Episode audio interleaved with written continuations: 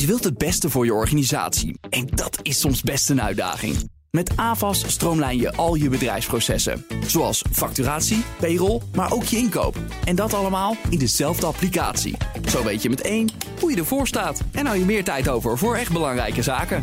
AVAS Software, speciaal voor jouw organisatie. BNR Nieuwsradio. BNR breekt. Kees Dorrestein.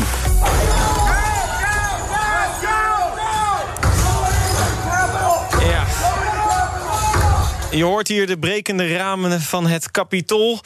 Uh, maar wij breken dan gewoon even jouw werkdag eventjes doormidden. Uh, we gaan uh, het vandaag hebben natuurlijk over Amerika.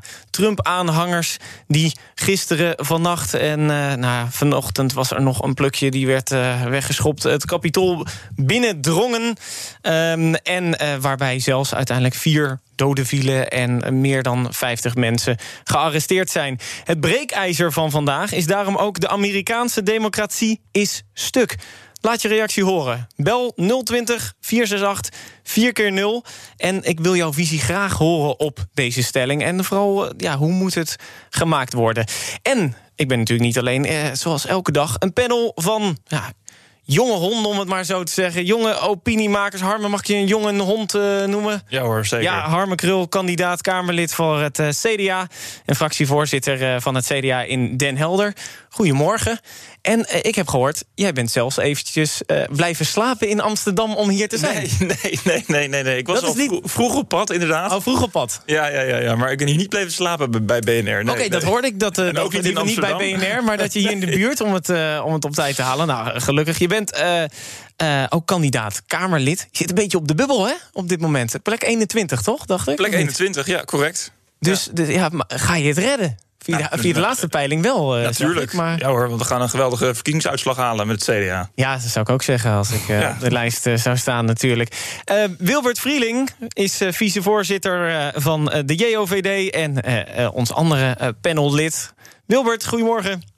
Goedemorgen. En um, we beginnen altijd een beetje met het, het nieuws van de dag. Jullie nieuws van de dag ik weet het, we gaan het over Amerika hebben. Historische dag. Dus dat, dat is voor heel veel mensen het nieuws van dag. Maar heel eventjes nog wat andere uh, dingen om aan te stippen. Wilbert, uh, waar wil jij het over hebben? Ik zou het graag over de verlenging en aankomende, of misschien aankomende versterking, uh, versteviging van de lockdown willen hebben. En dan specifiek de gevolgen daarvan voor jongeren. Voor jongeren, want jij, jij denkt dat dat grote gevolgen gaat hebben? Nou, ik moet al zeggen, uh, als ik uh, ook met mijn uh, collega's in de vereniging praat en ook studenten om me heen, we, zijn er al, we waren er al behoorlijk zat van. Maar als we dit soort nieuws lezen, wordt het, al, wordt het steeds weer een slagjesvader. En we merken ook al uit onderzoek dat het er voor jongeren steeds minder rooskleurig uit komt te zien. Dus het lijkt me handig om daar even aandacht aan te besteden. Maar, maar hoe bedoel je uit onderzoek dat het voor jongeren minder rooskleurig nou, was, wordt? Voor mij net vlak voor de jaarwisseling was er onderzoek dat uh, de leeftijd tussen 18 en 24 jaar, die leeftijdsgroep, dat die relatief ongelukkiger zijn momenteel dan uh, andere leeftijdsgroepen. En dat zijn toch wel erg zorgelijke tekens. Ook zijn er tekenen van meer suïcidale gedachten onder jongeren. Nou, dat zijn denk ik stuk voor stuk onderwerpen die. Uh, niet bepaald uh, er goed uitzien voor ons. Uh, Harme, ik zie je knikken. Ja, ja dat is echt een grote zorg. En uh, ik heb veel mensen gesproken die ook zeiden van... ja, maar jongeren in die lockdown, die zijn al zo digitaal vaardig... die kunnen elkaar heel snel vinden. Maar het zijn, zelf, het zijn vaak diezelfde jongeren... die op, op, op, op soms maar 15 vierkante meter... gewoon heel veel tijd in hun eentje hebben doorgebracht. en deze crisis, deze lockdown... Die, die trekt een zware wissel op deze generatie. Dat klopt. Wordt er genoeg gedaan voor, voor deze groep? Nou ja, binnen de mogelijkheden is er gewoon heel weinig te doen. En ik denk ook dat deze generatie heeft laten zien dat ze heel in grote getalen heel erg uh, zich goed aan die maatregelen hebben gehouden. En dat we heel erg solidair zijn. Um, met de rest van de samenleving. Want dat is het enige wat je nu kan doen. Je kan moeilijk nu dingen gaan organiseren in een lockdown om het uh, draaglijker te maken. Het is gewoon heel lastig voor deze generatie, dat klopt. Ja, maar dan hoor ik, we maken ons allemaal zorgen en het is heel lastig en we kunnen niks doen. Nou, wat we kunnen doen is zo snel mogelijk deze crisis uitkomen met, met elkaar. Ons aan de maatregelen houden. En hopen dat we volgend jaar, of dit jaar dus eigenlijk, um, op een gegeven moment weer die vrijheden terugkrijgen. Maar waren het ook niet juist de, de jongeren die zich de afgelopen tijd, in ieder geval toen we wat meer ruimte hadden, juist niet echt aan de maatregelen hebben gehouden? Eigen schuld, dikke bult. Ja, dat, dat vind ik te makkelijk. Ik denk echt dat het grote, het overgrote meerderheid uh, heel solidair is geweest. Um, en natuurlijk zijn er altijd incidenten. Maar ik zou het echt veel te makkelijk vinden om te zeggen van nou, het waren de jongeren die, die, die, in, die in die zomer of tussen die, die twee golven, zeg maar, dat zo veroorzaakt hebben. Absoluut niet. Wilbert, ik hoorde jou net een hele mooie maar op de achtergrond zeggen. Wat wilde hij zeggen? Nou ja, ik wil inderdaad ook al dat punt aanhaken. Het is voornamelijk die negatieve beeldvorming van jongeren met illegale feestjes en dergelijke. En dat is denk ik veel te simpel. Uh, ik snap het leven allemaal momenteel een hele moeilijke situatie. En dat, ja, we worden behoorlijk op de proef gesteld. Maar ik denk wat vooral jongeren nu erg nodig hebben is perspectief. Uh, we zitten nu de laatste maanden, of eigenlijk bijna al een jaar natuurlijk, de hele dag uh, in de breakout rooms colleges te kijken en dan daarna te Netflix. En dan, ja, dat is het leven nu op je kleine studentenkamertje. Ik denk dat jongeren gewoon heel erg behoefte hebben aan perspectief in deze lastige tijd. Ja, ik snap dat het heel moeilijk is. Ja, precies. Er wordt zo vaak er wordt er gezegd, we willen perspectief. Dan, de, de afgelopen tijd hier op BNR, horeca gesproken, detailhandel... die willen allemaal perspectief. Maar dat is ook heel lastig te geven, denk ik, toch? Dat is zeker heel lastig. Maar ik hoop nu zeker, nu we, weer aan het nu we zijn begonnen met vaccineren... en natuurlijk straks de kwetsbare groepen wat uh, veilig hebben gesteld... dat we straks de minder kwetsbare groepen, zoals de jongeren... misschien al wel langzaam kunnen kijken... jongens, hoe ziet die landkaart er straks uit voor de jongeren? Waar kunnen we straks weer aan beginnen? Kunnen we straks weer bijvoorbeeld langzaam weer de universiteitsgebouwen in? Dat zijn al kleine stapjes waardoor jongeren al heel erg gaat helpen, denk ik. Dat je elkaar even in de biep kan zien tijdens het studeren, even samen een kopje koffie kan drinken. Zijn hele simpele stapjes, denk ik, die al uh, heel veel jongeren blij zullen maken. Maar binnenkort, nieuwe persconferentie. Uh, het zweeft er een beetje boven dat uh, de lockdown verlengd wordt. Kijk maar naar Duitsland bijvoorbeeld, die heeft al tot eind januari. Is het mogelijk, denk je, dat het, dat het kabinet op dat punt al perspectief gaat geven? Ik denk dat het voor nu, dat het nu nog heel erg lastig is. Maar ik hoop als straks de vaccinatiestrategie echt goed uitgekristalliseerd is. We hebben natuurlijk deze week ook eh, heel erg eh, mee bezig geweest. Als die wat verder uitgekristalliseerd is en we duidelijker weten van oké, dan hebben we bijvoorbeeld heel veel kwetsbare groepen in de samenleving ingegaan. Dat we dan ook kunnen gaan kijken, jongens, hoe ziet dan dat, uh, de landkaart eruit straks om weer verder te gaan openen. Nou, je noemt vaccinatiestrategie al. Kan ik direct een bruggetje maken naar Harmen? Want waar wil jij het over hebben? Ja, dat, dat is uh, ook weer corona. Um, het is nu VS en corona als je vandaag uh, de kranten en het nieuws uh, volgt. Ja, iets meer VS wel hoor. Iets meer VS, ja, inderdaad. Ja, ja. Nee, en, maar dat is inderdaad dat we ook wel in een hele bijzondere week zitten. want het is wel echt het begin van het einde van deze crisis. En dat voelt best wel paradoxaal. Want enerzijds zijn de cijfers problematisch. En dan hebben we het over het verlengen van de lockdown. En nou, zelfs wel wat donkere scenario's. Aan de andere kant ehm, is het wel heel heugelijk dat we begonnen zijn met vaccineren. En dat we daarmee ook echt de stap hebben gezet uh, richting het einde van deze crisis. Maar Harme, ik hoor je. Het, lijkt alsof uh, Hugo de Jonge deze tekst voor je heeft, uh, heeft geschreven. Dit is echt exact wat hij gisteren zei bij Jinek. Nou ja, ik, nou, ik heb geen Jinek gekeken, dus dan, dan zit er blijkbaar ja, hetzelfde in. Wat, ja, dat denk ik natuurlijk ook. CDA, Hugo de Jonge. vandaar, vandaar die link natuurlijk. Hoe kijk jij naar hem? Veel kritiek uh, op hem gehad. Gisteren had hij dan even zijn Hosanna-momentje. nou ja, hoe, hoe, ik kijk naar Hugo de Jonge en hoe ik kijk naar het hele kabinet nu... Uh, ga er maar aan staan. Um, in een tijd waarin het, het, zo zwaar is, waarin heel veel mensen geen stap naar voren kunnen zetten of, of stap naar achter moeten zetten, dat jij dan die verantwoordelijkheid neemt. En dat is niet alleen Hugo de Jonge, dat is het hele kabinet. En tijdens crisis uh, wordt er altijd op het scherpst van de snede gesproken. En is kritiek ook goed. Maar uiteindelijk denk ik dat het heel bijzonder is en dat we heel erg dankbaar moeten zijn dat er zoveel mensen zijn die, nu een stap naar voren hebben gezet, verantwoordelijkheid nemen en ons proberen uit die crisis te krijgen. Ja, maar op zich er is toch wel wat aan te merken eh, op hem. Het is niet voor niks dat er eh, gezegd wordt over zijn zwabberbeleid, wordt het dan, uh, dan genoemd. Ja, kijk, misschien is dat niet het antwoord wat je zoekt, maar ik heb echt zoiets van in, zo'n crisis de vraag stellen: is to blame? Of wie, wie treft de meeste blaam? Of wie treft de meeste prijs? is helemaal niet relevant. Ik ben zelf uh, militair en ik heb altijd geleerd van eerst oplossen die hap, uh, saamhorig. En uh, daarna gaan we kijken welke lessen kunnen we, kunnen we leren. Dat is denk ik echt veel relevanter als, als ik ook vorige week naar de politiek kijk. Um, het kritiek om het kritiek te kunnen uiten. Uh, ja, daar heb ik me wel aan geërgerd. En ik denk echt dat. Maar denk je dat het echt kritiek is om kritiek te uiten? Nou, dat, dat denk ik soms wel, ja. En voel je je dan als CDA in je hart geraakt op het moment dat, dat Hugo uh, het op de broek krijgt? Nee, ik denk dat. Nee, natuurlijk, dat, nee, natuurlijk niet. Uh, het, het, gaat nee, niet om Hugo de Jonge. Je staat uh, met hem op de lijst, hè? Voor richting de Tweede Kamer. Ik sta niet met hem op de lijst. Want Hugo is, is niet verkiesbaar. Ehm, maar het is inderdaad zo. Kijk, ehm, het is logisch als jij, als je de, leiding, de leiding hebt in een bepaalde crisis of in een bepaalde situatie, dat je ook de, de, de minder leuke reacties krijgt. Maar ik denk dat het meer grote deel van Nederland gewoon heel blij is dat er hard gewerkt wordt. Dat we bezig zijn met deze crisis bestrijden. En dat we ook echt de eerste stap hebben gezet deze week om, uh, om eruit te komen. Ik denk dat, dat we ons daar moeten vastklampen. Ik uh, ga even naar Wilbert. Als, als jonge VVD'er, hoe kijk jij hiernaar? Naar de rol van uh, Hugo de Jonge? Uh, ja, nee, ik, denk, ik vind het wel uh, mooi hoe mijn collega-panel dit het allemaal zo verwoordt. Ik moet zeggen dat ik er wel even iets anders naar kijk. Uh, hij probeert het nogal leuk te framen. Maar voor mij is het behoorlijk wat politieke spelletjes gespeeld binnen het CDA de afgelopen periode. En dat is natuurlijk heel jammer voor Hugo. Dat is een beetje dat kroonprins-syndroom waar we bij de VVD natuurlijk ook al een tijdje last van hebben gehad.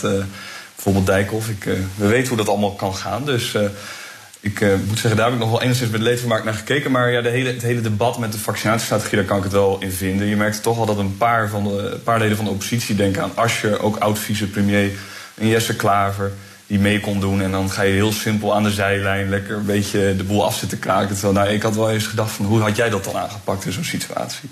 Nou, daar vinden jullie elkaar toch best aardig. Uh... Ja, dat blijkt. Ja, ja inderdaad. Misschien, uh, ja, jij staat helaas niet op de lijst, hè, Wilbert? Maar misschien uh, in, een, in een toekomstige coalitie dan. Wie weet, wie weet, wie weet. Um, we, gaan, uh, we gaan de boel breken. BNR breekt. Breekijzer. Ja, en jij kan reageren op dat breekijzer. De Amerikaanse democratie is stuk. Eens, oneens, laat het weten. 020 468 4 keer 0. Dus de Amerikaanse democratie is stuk. En uh, als je daar mee eens bent, hoe moeten we het fixen, denk ik dan? 020 468 4 keer 0 daar uh, praat ik uh, verder over met Harme en Wilbert. Maar ook met ja, onze ja, de Amerikanist. Amerikanist Rut Oldenziel. Ja, tijdens de verkiezingen kwam hier zo vaak ook langs hier in, uh, in de studio, studio. Ook hoogleraar aan de Technische Universiteit Eindhoven. Um, ja, laten we even beginnen met Joe Biden. En dan even een update van hoe, hoe staat het ervoor? Want Joe Biden, natuurlijk de eerste die reageerde zelfs voor Donald Trump met zijn speech gisteren. What we're seeing are a small number of extremists dedicated to lawlessness.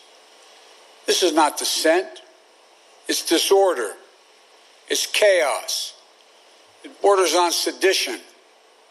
And it must end now. Allereerst, Rut, um, dit, dit is zo'n moment waarvan mensen dan zeggen... waar was jij? Ik, ik, haat dat als mensen dat zeggen, maar ik ga het toch uh, tegen jou zeggen. Waar, waar, waar, was jij toen je dit, uh, toen je dit zag? Nou ja, gewoon thuis natuurlijk, want we zitten allemaal in de lockdown. Oh, maar tot diep in de nacht? Uh... Uh, nou ja, het was uh, natuurlijk wel fascinerend, maar niet onverwacht. want de aanhangers van Trump hebben heel duidelijk gezegd wat ze plan waren. En belangrijker, de leiders van de Republikeinse Partij, met name in de Senaat, die beter zouden moeten weten, hebben ook aangekondigd dat ze zich achter deze groep stelden. Kijk, dit, dit fragment net van Biden zegt: het gaat hier om een hele kleine minderheid. Nou, dat is niet waar. Uh, dat wil zeggen, die het kapitool hebben bestormd, dat is een kleine meerderheid, uh, minderheid. Uh, maar Trump is verkozen natuurlijk met wel een, weliswaar een minderheid, maar een groeiende minderheid, hè, met meer, meer stemmen. Vijf, de vorige verkiezingen, in ieder geval die hij verloren heeft, 75 miljoen stemmen. Maar dat, dat zijn natuurlijk toch niet allemaal van dit soort mensen, zou je zeggen? Nee, maar wel die natuurlijk in dezelfde bubbel zitten en de overgrote meerderheid denkt dus dat er vals gespeeld is met de verkiezingen. Dus dan gaat het toch nog wel over 75% van die uh, mensen die achter hem staan. Dus dat is heel erg significant. Um, ja, is de democratie stuk? Hè? Dat, ja, is, dat, ja, dat is de, dat is de hoofdvraag. Ja. ja. Uh, nou, een onder, belangrijk onderdeel daarvan is dat er een vreedzame overdracht is van de macht. En dat is wat we gisteren hebben gezien. Het is niet op zich, het protesteren is onderdeel van democratie. Maar deze uh, aanval op het kapitool was op het moment dat het congres uh, de verkiezingsuitslag van uh, Biden bevestigde. En dat, dat is het ritueel, dat is onderdeel van, van het. ja, van het ja ze waren bezig het bevestigen. het ja. is pas net echt, echt bevestigd. Precies, maar de, het doel van deze aanval was om dat niet alleen ter discussie te stellen, maar uh, ja, ja, te interrumperen. En dat, uh, dat, is geen, uh, dat is geen onderdeel van het democratische stelsel. Ik, is de democratie stuk? Nou, uh, het is een dubbeltje op zijn kant. Uh, je ziet nu wel dat uh, wat belangrijk is dat Pence en Mitch McConnell, dat zijn eigenlijk de twee belangrijkste republikeinen. De ene is de leider van de Senaat en de andere is de vicepresident. Dat die eigenlijk hebben gezegd: we kiezen voor het systeem democratie en niet voor, voor Trump. En dat hebben ze de afgelopen vier jaar niet gezegd. Uh, dus de, de, in die zin was het gisteren een ontzettende belangrijke dag.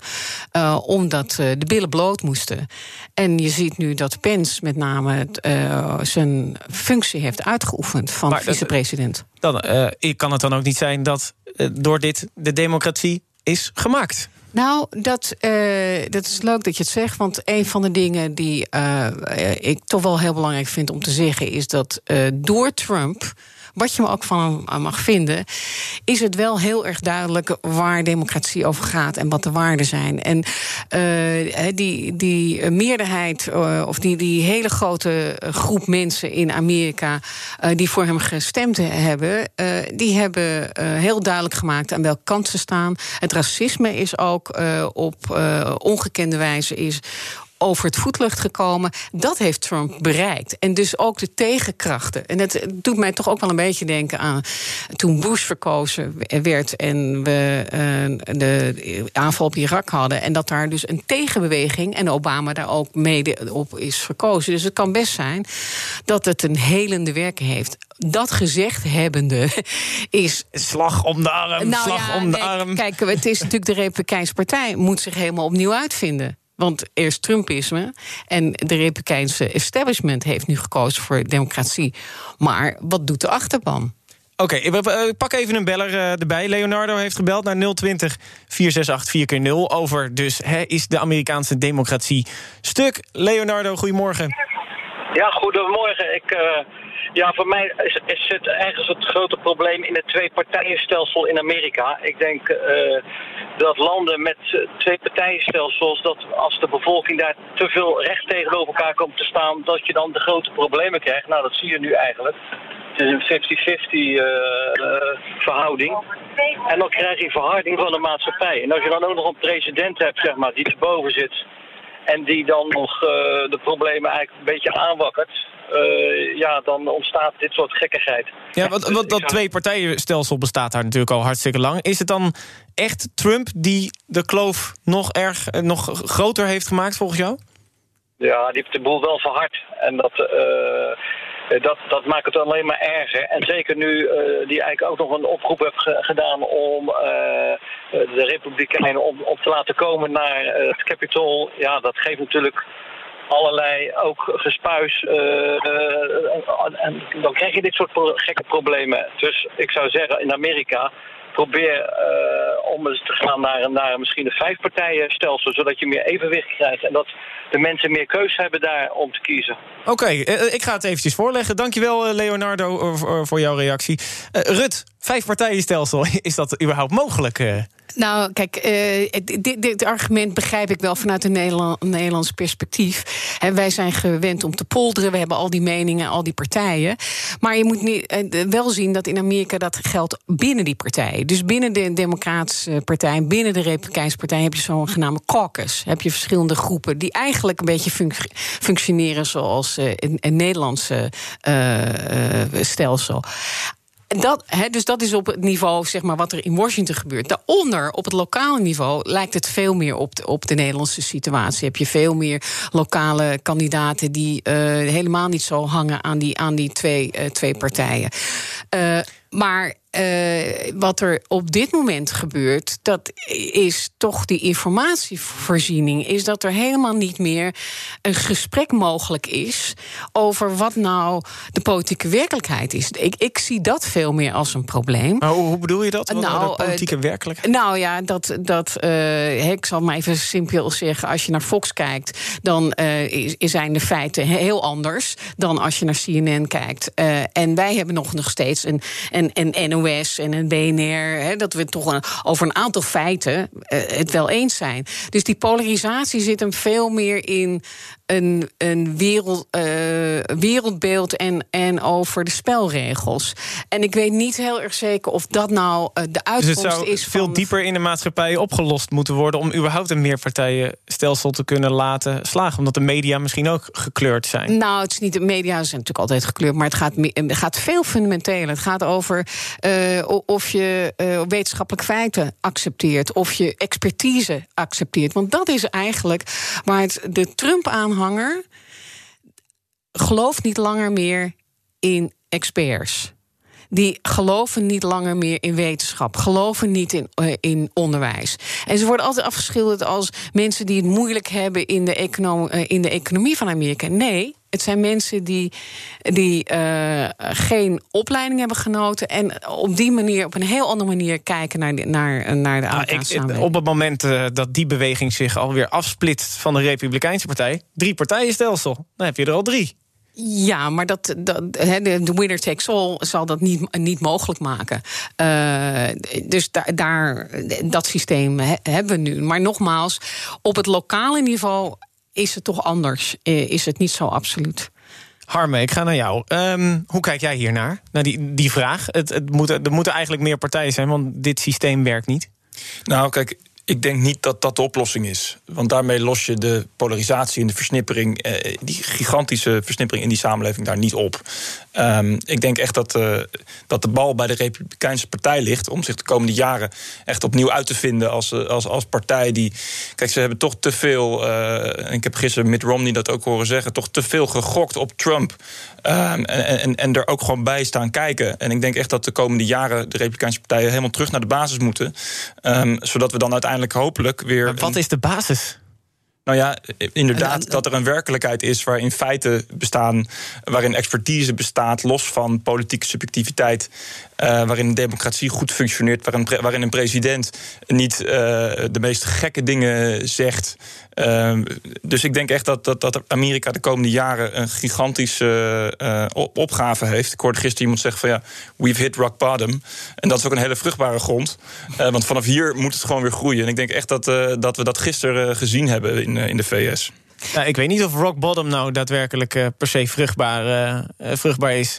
Nou, als je hoofd heel hard stoot, misschien dat je ja. dan uh, toch denkt: nee, liever niet hier. Ik denk dat dat inderdaad ook, ook gebeurt. Maar het, het, het, we hebben het net gehad over het stelsel, maar het gaat ook over de, waar staat de Republikeinse Partij nu voor?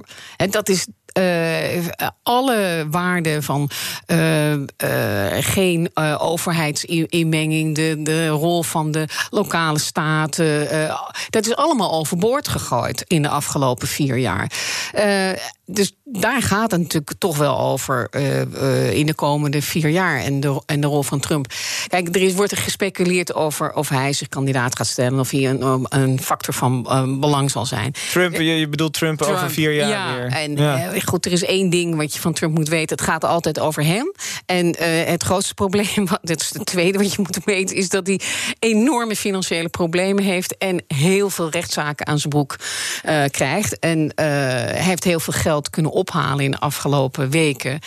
door te roepen dat de verkiezingen vals waren gespeeld. En dat is naar zijn persoonlijke fund gegaan. En dat gaat helemaal niet zitten in, in rechtszaken. Dus dat, dat is wat je in de gaten moet houden als je denkt over, nou, wat gaat Trump doen? Oké, okay, uh, Wilbert, uh, ik wil jou natuurlijk ook uh, graag even spreken. hoe kijk jij hiernaar? Nou, die, die vraag, er moet eigenlijk een, een, een meerpartijenstelsel komen. Ja, ik kan me eigenlijk grotendeels wel bij aansluiten. Ik zat zelf ook al te denken van misschien moeten we iets minder naar de poppetjes kijken en iets meer naar, hoe, naar het systeem. Want ja, het systeem zorgt er toch voor dat zoiets kan gebeuren. Want als het systeem anders ingericht is, dan kan zoiets niet gebeuren, zou je dan zeggen. Dus ik denk dat daar een soort staatscommissie Remkes daar ook een keer heel goed zou zijn om daar een keer uh, de bezem door de kast te halen. Even op Remkes uh, naar Amerika sturen. Hij heeft, het, heeft, hij heeft vast nog wel wat tijd over.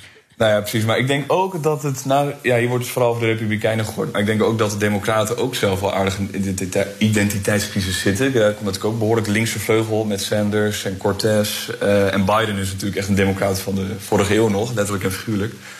Dat wordt ook nog wel lastig. Iedereen heeft het nu over van, oh, hij de Senaat, het Huis. Dat wordt allemaal makkie voor hem. Maar ik denk dat dat ook nog wel heel lastig voor hem gaat worden... om die partij bij elkaar te houden. En ik wou misschien ook nog even een heel klein bruggetje slaan naar uh, Nederland. Want we hebben natuurlijk ook het over subjectiviteit, nieuwssubjectiviteit. Maar ik moet ook wel zeggen, ik zat ook al wel te denken van... ja, hoe gaat het eigenlijk in Nederland? En we hebben het nu over dat wij het wel goed hebben, maar... Je ziet toch ook wel hier dat de nieuwssubjectiviteit ook wel behoorlijk toeneemt. En dat, uh, denk ik, traditionele media ook aan gezag in, ja, inlevert. Er komen nieuwe, ook hier allerlei nieuwe media's op. Uh, denk aan podcast, denk van een bepaalde BN'er. Uh, en het meerpartijenstelsel uh, pakt voor ons ook niet altijd uh, uit dan, hè? al te best uit. Nou ja, inderdaad, inderdaad, dat ook. Soms is het ook onbestuurlijk hier. Maar hier zie je ook dat de onrust toeneemt. En ik maak mezelf ook wel echt zorgen van hoeveel Nederlanders nou hier naar, naar gisteren naar Amerika hebben gekeken en denken van nou, hey, als er straks verkiezingen in maart zijn en Rutte wordt weer gekozen, wat, wat gaan wij dan doen? We hebben natuurlijk al met die bij die speech van hem gezien laatst dat al die mensen bij het torentje gingen staan met pannen en alles. het is een begin, maar ja, het, maakt, het doet mij wel maakt mij zorgelijk. Vind ik zorgelijk dat. Ik wil nog eventjes, want we gaan, we gaan zo heel eventjes breken. Hè? Harmen, nog even één ding over dat meer partijenstelsel. Want ik weet dat het CDA heeft in november nog een advertentie geplaatst. Van waar, waar je het hoofd van Trump, het hoofd van Biden zag. En daartussenin is het niet fijn dat er een middenpartij is ja. in, in Nederland. Ja, ik, dat, dat is, een, een middenpartij is altijd heel fijn. En ik denk dat we echt moeten leren als we nu naar de VS kijken. Dat het compromis. Maar, maar jij zei net van, uh, dat, daar, daar zit het daar in ieder geval de oplossing. Uh, nou, de oplossing zit denk ik in, uh, is in het feit dat we accepteren dat een compromis, het compromis, niet een vies woord is, maar noodzakelijk voor het goed functioneren van een democratie en het goed functioneren van een samenleving. Wij gaan morgen niet wakker worden dat we het allemaal met elkaar eens zijn over een onderwerp. We moeten leren ehm, dat het compromis niet iets, iets fouts is. En dat zie je steeds moeilijker worden voor, voor politieke partijen partijen in de samenleving. Nou, in de VS heeft dat extreme vormen aangenomen. Doordat echt twee kampen rechten tegenover elkaar zijn komen te staan. En dat is een les die we, die we vanuit het midden eh, kunnen leren, maar die we überhaupt uh, in de arm moeten nemen. Oké, okay, zometeen praten we hierover, eh, hierover verder. Wat moet Biden bijvoorbeeld doen? Wat kunnen we verwachten van die vreedzame overdracht? Want Trump die heeft nu gezegd: ja, dat gaat allemaal vreedzaam gebeuren. Maar we hebben gezien wat er gisteren is gebeurd. Dus ik weet het nog niet zo, uh, niet, niet zo zeker wat het allemaal kan gebeuren daar. En zometeen ook het trending nieuws. BNR Nieuwsradio. BNR breekt. Kees Dorrestein. Goed dat je erbij bent. Uh, de perfecte onderbreking van je werkdag, zeggen we. En uh, mijn uh, panel die bestaat uit twee politieke dieren. Harmen Krul, fractievoorzitter van het CDA in Den Helder... en kandidaat-Kamerlid. En Wilbert Vrieling, vicevoorzitter en voorzitter en voorlichter van het JOVD. En we praten zo ook verder natuurlijk met Amerikaniste Rut Oldenziel... die is ook hier nog steeds in de studio. Maar eerst eventjes... De trendings. Ja, wat is er op dit moment trending op social media? Nou, het zou je natuurlijk niet verbazen. We hebben het er al over hier in BNR Breekt. Natuurlijk de situatie in Amerika. Uh, vannacht op dit moment Joe Biden nu officieel ook door de kiesmannen gekozen als president. Niet voor niks Trump en Washington DC trending. Uh, hashtag bizar. Veel mensen vinden het ook bizar, dus daarom is dat ook trending. Ja, geen, uh, dat is een beetje een inkopper. En uh, Haller, die is ook trending. Want ja, de tweede bijzaak in de wereld is dan toch... of de, de belangrijkste bijzaak in de wereld is voetbal. Ja, natuurlijk. Dat, eh, ik, ik zie je heel moeilijk kijken, Rut. ja, ik hoop allemaal dat je me zo overslaan, alsjeblieft. Neem het over. Harmen, ja, nee, als, als Feyenoord-fan zou ik het geen goede ontwikkeling vinden... nee, als zo'n goede spits Ajax uh, trekt. Ah, Wilbert, uh, van welke club ben jij fan? Ja, FC Groningen natuurlijk als uh, Groninger. Dus, ja, ja, dat is eigenlijk is niemand blij met Haller. Nou, nou, dan slaan we het ook maar over. Nee, ja, Oké, okay. Haller is... Zie, ik had toch gelijk. Ja, ja. Haller, uh, de voormalig spits van FC Utrecht... speelt nu in de Premier League. En um, uh, Ajax, die hoopt hem weg te kopen bij West Ham uh, United. Vandaar dat die trending is. Is niet gek, hè, want Ten Hag was trainer van Utrecht ging naar Ajax en heeft, uh, uh, heeft Haller zo, uh, wil hem misschien wel terughalen. Oké, goed, we gaan gewoon weer lekker naar het, het breekijzer. de democratie is stuk, hebben meerdere bellers op gereageerd. Ehm, ik ga eventjes naar Robert. Robert, goedemiddag, ja. of goedemorgen is het nog. Ja, goedemorgen nog. Uh, staat hier met u alweer wat te zeggen. Um, ik heb begrepen tijdens het even toen het over de corona ging, de coronacrisis, uh, werd er aangegeven, en als het fout is, laat me dat ook weten, dat uh, de, de, de controlerende Kamer gezegd werd dat zij het niet beter hadden kunnen doen. Ik, ik, ik snap even niet wat je, wat je bedoelt, uh, Robert.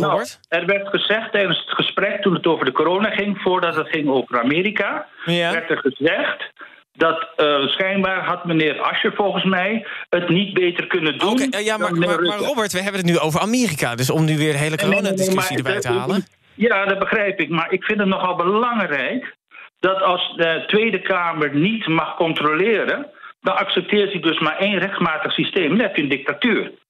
Nou, dat is, dus dat, dat, eh, daarom hebben we gelukkig ook de Tweede Kamer. Maar Robert, zullen we afspreken, volgende keer als we het weer over corona hebben... dan, eh, dan, dan bel je gewoon weer in. Dan houden we het nu even bij Amerika.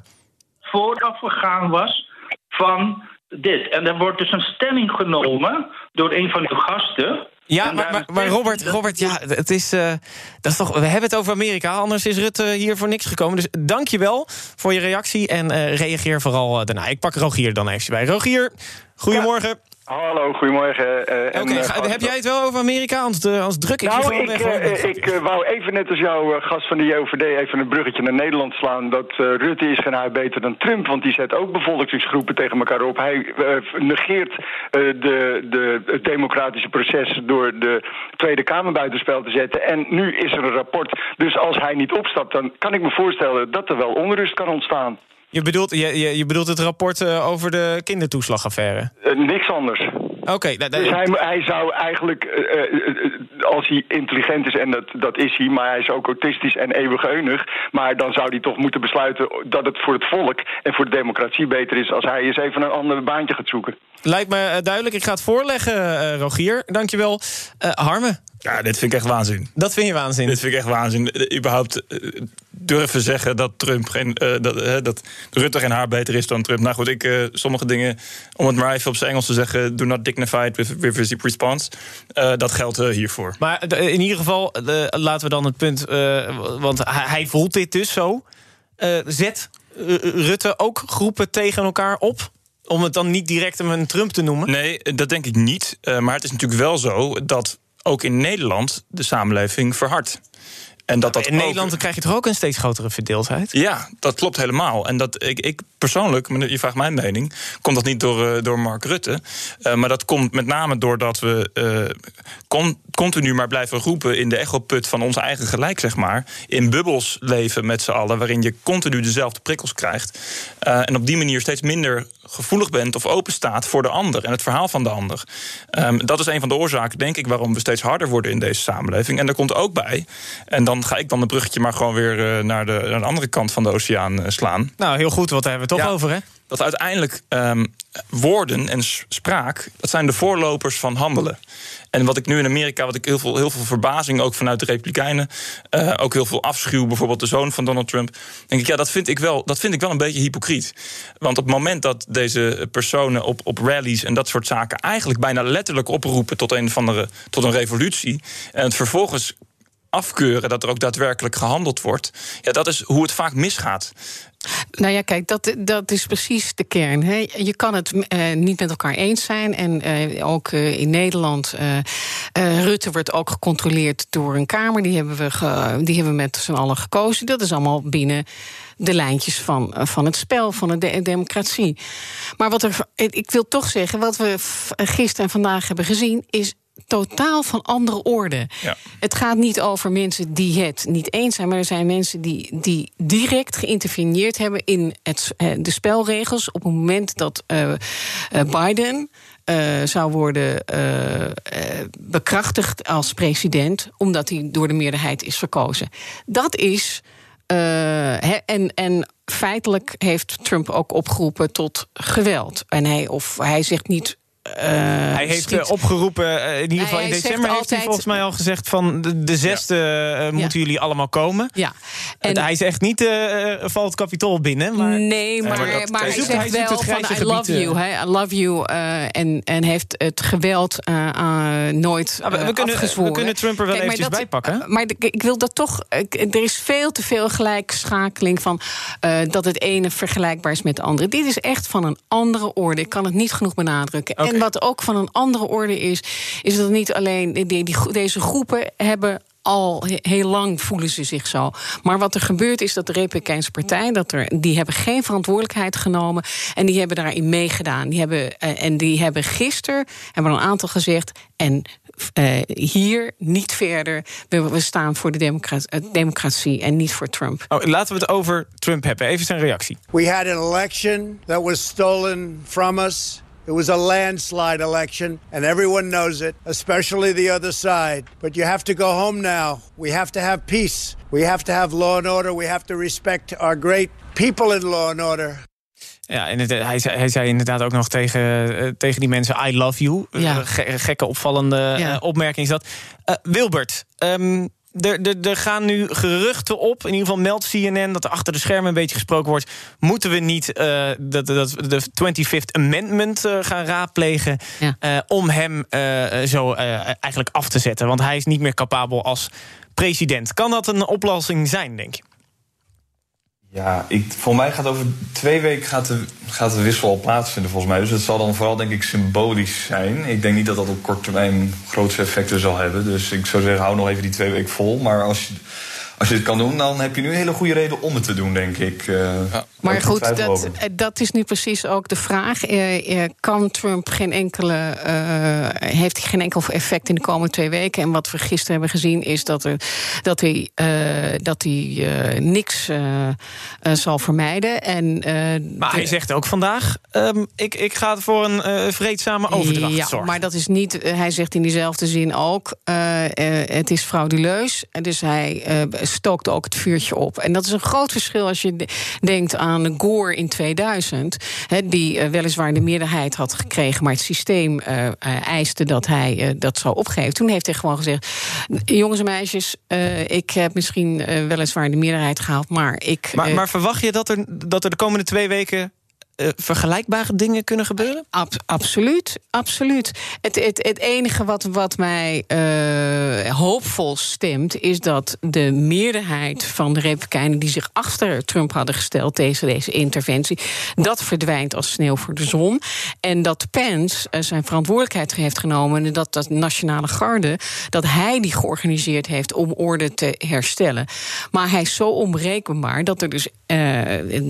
je moet voor die afzetting voor die, uh, moet je acht, uh, minstens acht kabinetleden hebben. En Pence om hem te kunnen afzetten. Dat is de snelste route.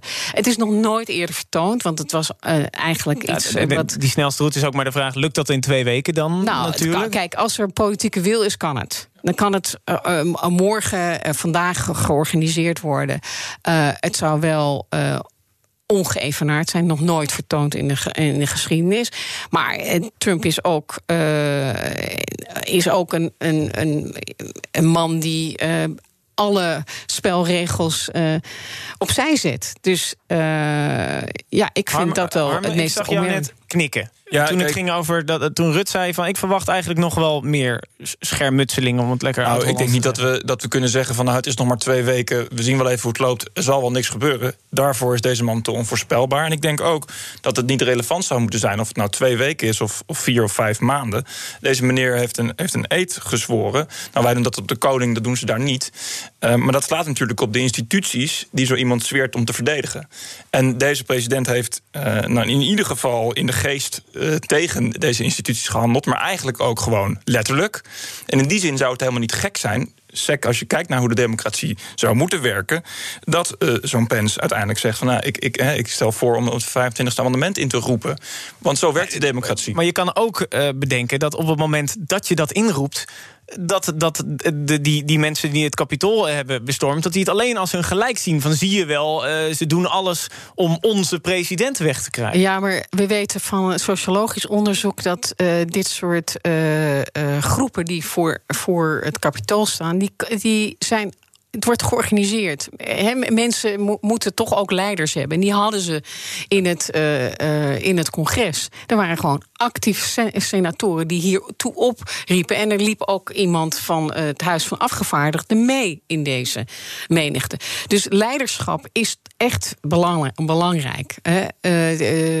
het groepen gaan niet zomaar met vlaggen naar het, naar het kapitool. Zijn daartoe opgeroepen, is georganiseerd. Dus als we de leiders weghalen, dan zou zouden ze het niet doen? Want Nou, Trump, dat- Trump dat- die, die krijgt niet in één keer duct tape op zijn mond natuurlijk. Nee. Hè? Die blijft gewoon lekker twitteren en praten. Zeker. En, en, je, en dan is wel de tweede vraag. eh, als die leiders er niet meer zijn en die, en die groepen leiderloos zijn, je moet wel hun eh, problemen adresseren. Hè, dus wat, wat Biden, dan de vraag van wat moet Biden doen?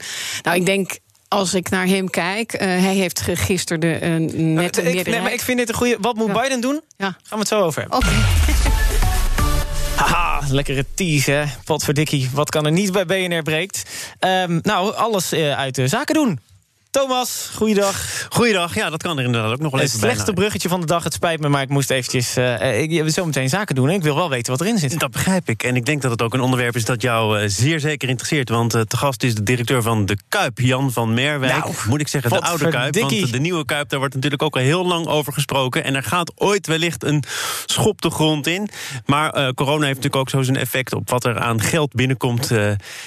In de Kuip, of vooral wat er uitblijft. En voor een deel was wat erin komt ook bedoeld voor eh, wat er zo meteen eh, moet verrijzen. Namelijk eh, de financiering van dat nieuwe stadion. Dus of dat nog in gevaar komt, dat, dat ga je zo meteen horen. Het boardroom panel is ook aanwezig. Dan gaat het over Sanderink, hè, die CEO, die Ja. totaal is losgeslagen. En Wat een, wat een bijzonder verhaal is dat, zeg. ja, en ik denk dat we het laatste hoofdstuk daarvan nog niet hebben vernomen. En ook wel interessant en nauwelijks opgemerkt. Er zijn ook bedrijven die Brits-Nederlands waren, maar die nu vanwege de Brexit toch kiezen voor een Nederlandse nationaliteit. Zoals Renewy, het afvalbedrijf. Gaan we daar nou heel veel meer voorbeelden van zien? Dat en Ryanair heeft eh, vandaag toch maar weer eens bekendgemaakt dat die nieuwe lockdowns ervoor gaan zorgen dat er nog weer minder mensen gaan vliegen. Eh, wij maken zo meteen eh, de balans op samen met luchtvaartexpert Joris Melkert. Kijk, vanaf eh 12 uur BNR Zaken doen met Thomas van Zijl. Allemaal luisteren. Harmen doet dat sowieso, want het gaat over Feyenoord in het stadion. Dus dat is, ja, ik zag je al glimlachen. Ja, het is Eh, toch heerlijk inderdaad dat je we ook af en toe nog even over bijzaken kunnen. Ja. Wat triviale bijzaken. Nou ja, op, op zo'n dag als eh, vandaag, zo'n historische dag. Ja, je kan het wel zeggen, eh, want ja, we weten allemaal wat er in Amerika is gebeurd. Daar praat ik natuurlijk over verder met Harmen Krul. Je hoort hem al net, fractievoorzitter CDA Den Helder en kandidaat Kamerlid. Wilbert Vrieling, vicevoorzitter en voorlichter van het JOVD. En Rut Oldenziel, Amerikanist. Ehm, we eh, sneden al net eh, Biden aan. Eh, Wilbert, ik vind dat je nog te weinig heb gehoord. Dus ik ga gewoon weer naar jou toe. Biden, want ja, we hebben nog 10 minuten. En daarom ook, als je wil reageren op het breekijzer... de democratie is eh, stuk. Eh 020 eh, 468 4 keer 0 Dan wil ik alleen weten van hoe moet dit nou opgelost worden. Dat, dat, dat wil ik van je weten. Je hebt nog eh, 10 minuten om te bellen. Ehm, ja, ook, ook voor jou, Wilbert. Hoe moet Biden dit gaan oplossen? Ja, het zou wel mooi zijn als ik nu de oplossing daarvoor zou hebben. Maar ik denk eigenlijk kort gezegd. ehm, toch op een of andere manier gaan verbinden. Ik twijfel zelf wel, om te zijn, wel een beetje of hij daar de persoon voor is. Maar ik zou toch gaan kijken, Biden, van hey, hoe kan ik er nou voor zorgen dat ik de komende tijd toch die Republikeinen een beetje mee kan krijgen. En toch misschien wat beleid van Trump ook mee kan nemen naar eh, mijn administration. Van hey, hoe kan ik nou bruggen slaan in plaats van constant zeggen van dit was verschrikkelijk, dit moeten we vergeten en vooruit. Ik zou toch gaan kijken van kan ik wat dingen van die periode meenemen en die goed gebruiken. De, de, de om dingen uit de, bij elkaar te brengen. uit de Trump-periode... om een beetje zijn, zijn fans te paaien dan of zo? Nou, niet zozeer te pakken. Ik denk dat er sowieso, er zijn vast wel eh, wat ehm, policies die Trump. kijk, de, eh, er werd dan bijvoorbeeld de America First policy. Nou ja, goed, dat kan je natuurlijk heel mooi framen van op een andere manier die ook werkt voor de Democraten, denk ik. Bijvoorbeeld het handelsbeleid. Eh, wat natuurlijk ook wel behoorlijk ook in Nederland aan het omdraaien is, het vrijhandelsbeleid, dat er ook veel meer sceptici over, of eh, scepticisme over is. Dat soort dingen zou je wel mee kunnen nemen. Of de, de NAVO even weer een paar keer op de flikker geven. Dat zijn van die dingen die Biden ook prima mee zou kunnen nemen. En dan toch een beetje laten zien: hey jongens, ik ben er ook wel voor jullie. Wil jullie ook niet vergeten. En dan toch eh, zo vooruit kan gaan. Want ik denk, als je nu gaat zeggen: jongens, ik, kijk, ik eh, draai mijn rug om, we gaan verder op een andere koers. Dan ga je over vier jaar weer een tegenreactie. Dan kan je dus niet de president worden van iedereen... als je ook niet een beetje eh, de standpunten van de andere partijen meeneemt. Nee, dat denk ik inderdaad. Harme, hoe kijk jij hier naar? Nou, Ik denk dat dat een heel lastige opgave wordt. Ik denk dat wat Biden niet moet doen, is deze groep ontkennen. Dat, eh, dat is lastig, dat hebben we eerder gezien. Maar wat, eh, wat Obama geprobeerd heeft in, in, heel- in een hele lange tijd... is om echt die verbinding te zoeken. En je ziet wat dat voor effect bereikt heeft. Heel weinig. Ehm, dus er zal echt op een andere manier gekeken moeten worden. Ja, ik heb het antwoord ook niet. Eh, maar Nee, dat ja, het een kijk, lastige opgave wordt dat voor Biden, dat is wel. Dat is het mooie van opinie. Dan kunnen we in ieder geval onze eigen visie Maar het ontkennen van de zorg van deze mensen, dat werkt sowieso niet. Dat hebben we. eer- Dat, dat, dat, Maar dat, wat vonden jullie dan van zijn speech? van, van gisteren? Nou, ik denk dat je het zelf wel goed verwoordde. Het voelde een beetje als een inauguratiespeech. Uh, en ik denk dat de normalisering van, van democratie, de normalisering van het hebben van een president, voor heel veel Amerikanen als heel erg prettig uh, gaat voelen. Dat, dat ze niet elke ochtend wakker worden en denken: wat heeft onze president nu weer gezegd? Uh, maar het is een hele lange en lastige weg voor Biden om, om dit, de, de, kern van dit probleem op te lossen. De, ik, ik, weet ook niet of hij de persoon is die dat in ieder geval vier jaar voor elkaar gaat boksen. Nee, ik uh, pak Ron er heel even bij. Die heeft gebeld. Die hangt al een hele tijd. Ron, goedemiddag. Nou, het is, nog, het is nog net geen middag. Goedemorgen. Ja, ja, goedemorgen. Ja, ik vind uh, dat uh, het gesprek dus weer helemaal de verkeerde kant op gaat. Want oh, je hoort dus duidelijk hier ook één mening. Uh, 50% van de bevolking heeft op Trump gestemd. statistisch is uitgezocht nu dat een half procent van de mensen die na de officiële telling, zeg maar eh, de stem hebben uitgebracht. Dat is, dat is een half procent. En als ze nou, ik weet niet of dat helemaal klopt, maar uh, dat, dat, uh, die rekenmachine pakken we er later eventjes bij. Ja, ja maar oké, okay, toen vier jaar terug Trump aan het bewind kwam... Toen, uh, toen zag ik een linkse meute de straat op gaan, winkels plunderen en, en uh, zeg maar auto's in de fik en allemaal dat soort zaken. En ik zie dat nu niet gebeuren. Ik zag wat papieren door het, nou, door het gebouw gegooid. Maar, wat papieren door het gebouw gegooid? heb je gisteren niet gekeken dan, denk ik? Want ik zag aardig wat, wat meer door het gebouw heen gaan. Ja. nou ja, waar het om gaat... Maar Ron, oké, okay, Wilbert die zegt net... Um, Biden... Die, die mening wordt die, geventileerd. En het, nee, nee, maar, nee, maar die, die zegt net, wat ik zei ook, we gaan het eventjes over, over oplossingen hebben. Die zegt net, uh, die moet ook wat standpunten van Trump overnemen. Kan dat dan niet de oplossing zijn om die groep ook aan te spreken? Ja, dat denk ik wel. Nou, kijk, hartstikke fijn. Dankjewel, Ron. Kijk, um, uh, Rut. Joe Biden, hoe moet hij dit gaan oplossen? Nou, als we kijken wie Joe Biden is, dan is hij de eeuwige senator. En hij uh, kijkt heel goed naar zijn oud-collega's in, in, in uh, de Senaat, in het congres. Wat hij feitelijk doet, als we kijken wat hij de afgelopen weken heeft gedaan.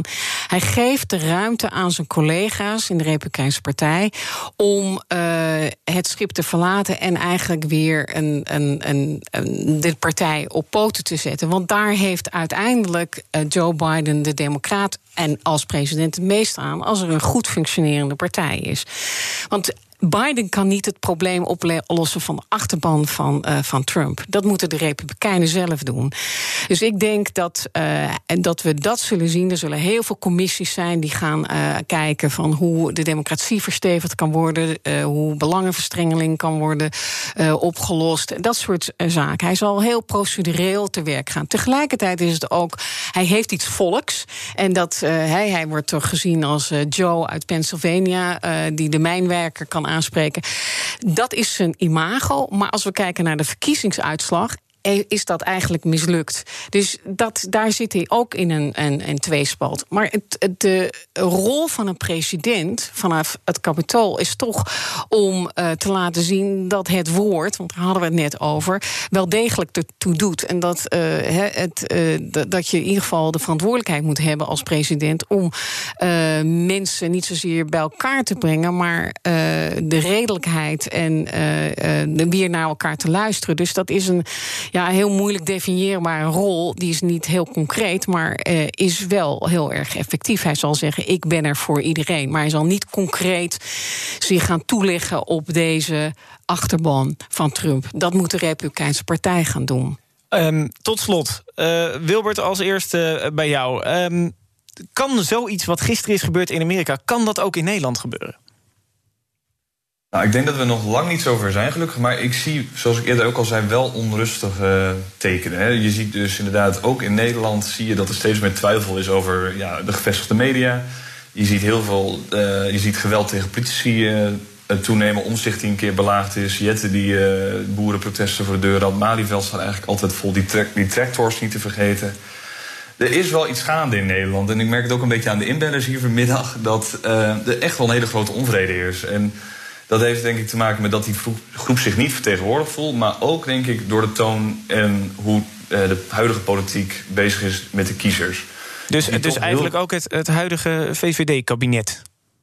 Nou, ik zie meer eigenlijk, ja, ik, ik kijk niet zozeer naar het kabinet, maar meer echt naar de Tweede Kamer. Uh, hoe wordt er gecommuniceerd met kiezers? Uh, word, uh, kijk je naar de lange termijn? Kom je met goede plannen die gaan werken? Of ga je gewoon kort termijn een beetje schoppen tegen het kabinet? Kom je met plannen die toch niet gaan werken? Denk aan de 10.000 euro van Jesse Klaver. Denk aan die 1000 euro van Rutte. Dat soort dingen, dat werkt, dat werkt allemaal niet. Mensen in Nederland hebben dat, die, die zien ook wel van... jongens, dit, dit, dit soort onzin, dat, dat pikken wij niet langer. En dat groeit ook in Nederland. En dat leidt tot, onder, uh, tot een behoorlijk grote PVV misschien wel... als ik nu de peilingen moet kijken. FVD is al nu ingestort, maar het zijn wel echt tekenen waarvan ik denk van... jongens, hier moeten we wel echt een keer goed naar kijken. Zeker de gevestigde politiek. Harmen, tot slot. Um, uh, Wilbert snijdt een punt aan... er moet meer gedaan worden om te verbinden. Uh, nog even in het kort, hoe? hoe? Nou, allereerst... Um, als je de problemen in Amerika ziet, dan ben ik heel blij dat wij straks gewoon weer uh, in, na de lockdown allemaal met z'n in de rij kunnen gaan staan voor de rituals, wat voor winkels dan ook. Dat we dat gewoon, zeg maar, uh, de triviale problemen hier, uh, dat laten zijn wat het is. Um, kan het gebeuren in Nederland? Ja. Het kan gebeuren in Nederland. We moeten leren dat democratie kostbaar is. Dat we een verantwoordelijkheid hebben om voorzichtig te zijn met spraak en met het bewust verdiepen van, van, van polarisatie. Um, en hou in ogenschouw dat er altijd heel veel is wat ons wel verbindt. En ten opzichte van al die zaken die ons verdelen. Dus ik denk dat we met z'n allen als samenleving daar de verantwoordelijkheid voor moeten dragen. Dat we nooit naar deze Amerikaanse taferelen moeten gaan. Maar dat het wel naïef zou zijn om te denken dat het niet kan gebeuren. Harme Krul, dankjewel. Wilbert uh, Vrieling, dankjewel. En Rut Oldenziel, uh, dankjewel. Amerikanisten uh, was hier natuurlijk Harme Krul, fractievoorzitter CDA Den Helder... en Wilbert Vrieling, vicevoorzitter en voorzitter van het JOV... en voorlichter van het JOVD. Morgen een nieuwe BNR breekt, zelfde tijd, 11 uur. Tot dan, volg ons op de socials, BNR op Twitter, Instagram, BNR Nieuwsradio. Je kan natuurlijk altijd mailen, breekt.bnr.nl. Zometeen BNR Zaken doen met Thomas van bij BNR ben je altijd als eerste op de hoogte van het laatste nieuws. Luister dagelijks live via internet. Jelle Maasbach. Wesley Weert. We zijn er voor je met het leukste, opvallendste, maar natuurlijk ook het belangrijkste nieuws. Tijdens de presentatie van die halfjaarcijfers toen die beurskoers in elkaar kukkelde. BNR Beurs. Voor de slimme belegger. Blijf scherp en mis niets.